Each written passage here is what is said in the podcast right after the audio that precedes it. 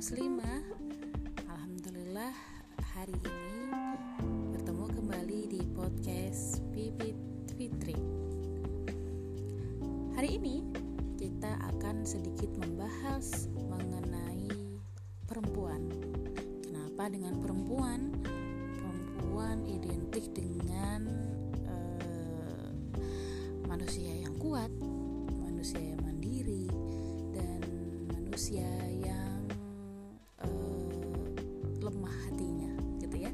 Uh, akhir-akhir kemarin, gitu ya, kita mendapati informasi mengenai uh, perempuan dijadikan sebagai pelaku tindak terorisme.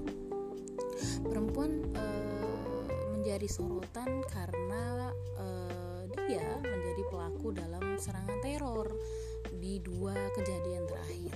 Yang pertama di Makassar pada tanggal 28 Maret 2021. Pasangan suami istri yang baru saja menikah 6 bulan yang lalu gitu ya dan tiga perempuan ditangkap karena terduga terkait dengan peristiwa tersebut. Kemudian ada lagi di Jakarta yang di mana seorang perempuan yang menembakkan dirinya di kantor polisi berusia 25 tahun. Nah, keterlibatan perempuan dalam tindakan terorisme ini sebenarnya bukanlah hal baru, mengingat peristiwa yang sama pernah terjadi pada peristiwa bom Surabaya 2018 yang bahkan melibatkan anak-anak. Namun dua peristiwa terakhir seakan menguatkan klaim makin banyak perempuan yang terlibat tindak terorisme. Menariknya, banyaknya sorotan dari eh, penggiat gender eh, tentang perubahan kondisi perempuan. Dulu sebagai korban aksi terorisme, baik sebagai korban langsung ataupun sebagai istri atau anak pelaku tindak terorisme. Sekarang perempuan sebagai subjek pelaku langsung aksi terorisme. Menurut analisa Badan Nasional Penanggulangan Terorisme atau BNPT, ada banyak penyebab keterlibatan perempuan dalam tindak terorisme, baik dari segi aspek sosiologis, kultural, psikologis, maupun strategis. Perempuan dianggap sebagai kelompok rentan yang mudah terpengaruh.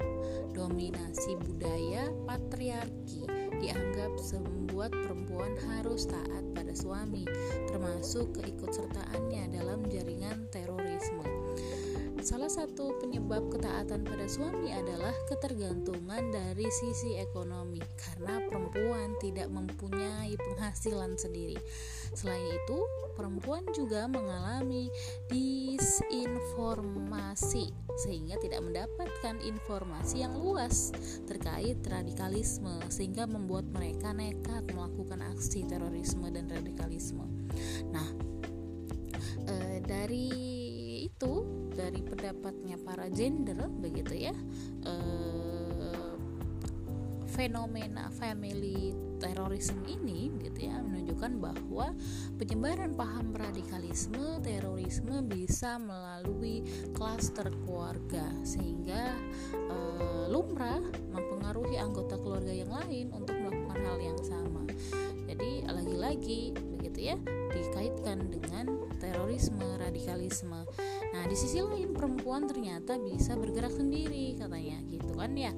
E, di kasus Mabes Polri, meski hal ini merupakan fenomena yang jarang terjadi di Indonesia, namun e, Direktur Institute for Policy Analysis uh, of Conflict uh, Sydney Jones memprediksi aksi teror lone wolf dengan pelaku perempuan ini bakal terulang kembali. Jadi uh, dijelaskan oleh Jones menyarankan polisi harus memberikan perhatian khusus, polisi harus melibatkan perempuan untuk memahami jaringan teror yang melakukan banyak diskusi dengan ratusan perempuan bekas simpatisan ISIS dari Turki agar memahami aksi teror di kalangan perempuan. Bagaimana sudut pandang sesat ala barat? Sudut pandang kesesatan, kesesatan ala barat ini, perempuan pelaku tindak terorisme dianggap sebagai korban budaya patriarki. Mereka dianggap terpaksa jadi pelaku akibat tunduk pada suami yang memilih reali, uh, memilih relasi kuasa atas istri dan tergantung secara nafkah ketundukan ini ibarat hilangnya hak untuk e, memutuskan sesuatu atas dirinya sendiri. Sebagaimana halnya ketergantungan e, ekonomi pada suami dianggap sebagai penyebab kemiskinan perempuan. Karena e, hanya menjadi ibu rumah tangga saja tidak bekerja sehingga tidak berdaya secara ekonomi Nah, hal ini juga menjadi amanat deklarasi Beijing, khususnya poin pertama, perempuan dan kemiskinan. Nah, eh, narasi-narasi tersebut memberikan bukti buruknya perempuan yang terjebak dalam pusaran terorisme akibat kesetaraan gender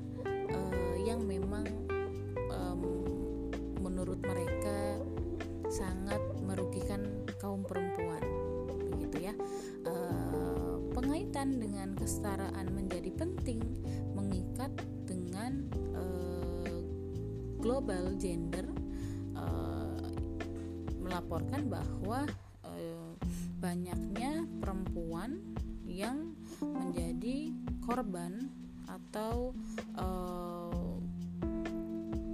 kesenjangan terhadap kondisi ini sangat memperburuk keadaan gitu.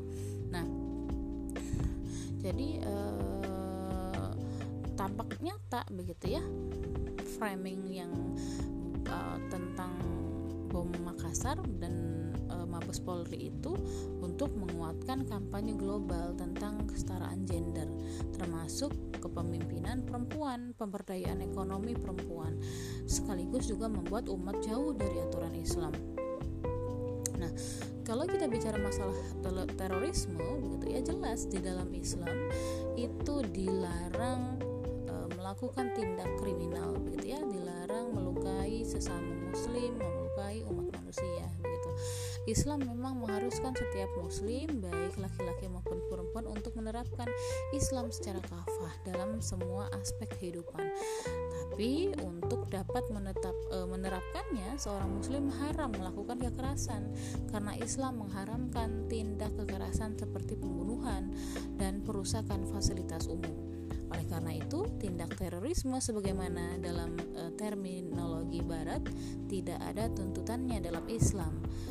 Dalam Quran Surat Al-Ma'idah ayat 32 Allah berfirman menyatakan bahwa membunuh seorang manusia tanpa hak sama seperti membunuh manusia seluruhnya. Islam memang memiliki aturan yang berbeda antara laki-laki dan perempuan Tetapi perbedaan itu bukanlah merendahkan perempuan Bahkan sejatinya bentuk kesesuaian dengan fungsi manusia berdasarkan jenis kelaminnya Demikian halnya ketika menjadi laki-laki sebagai pemimpin, ia wajib mewujudkan kesejahteraan seluruh umatnya, laki-laki maupun perempuan. Baik juga kepemimpinan laki-laki dalam rumah tangga, termasuk kewajiban nafkah, bukan bentuk inferioritas perempuan. Dalam bingkai keimanan kepada Allah, semua itu menjadi satu tatanan yang harmonis yang menjamin ketenangan semua pihak. Inilah yang tidak akan pernah dipahami oleh Barat, juga para penggiat gender, dan semua pihak yang menjadikan akal dan hak asasi manusia sebagai landasan hidup. Kehidupan harmonis dalam ketaatan kepada Allah termasuk hanya dapat terwujud ketika aturan Allah diterapkan secara kafah dalam kehidupan yang mulia yang di mana aturan Allah diterapkan dan e, di situlah kita akan menikmati keharmonisan bersama Islam. Terima kasih untuk teman-teman semuanya yang telah mendengarkan. Sampai jumpa lagi di segmen. Assalamualaikum warahmatullahi wabarakatuh.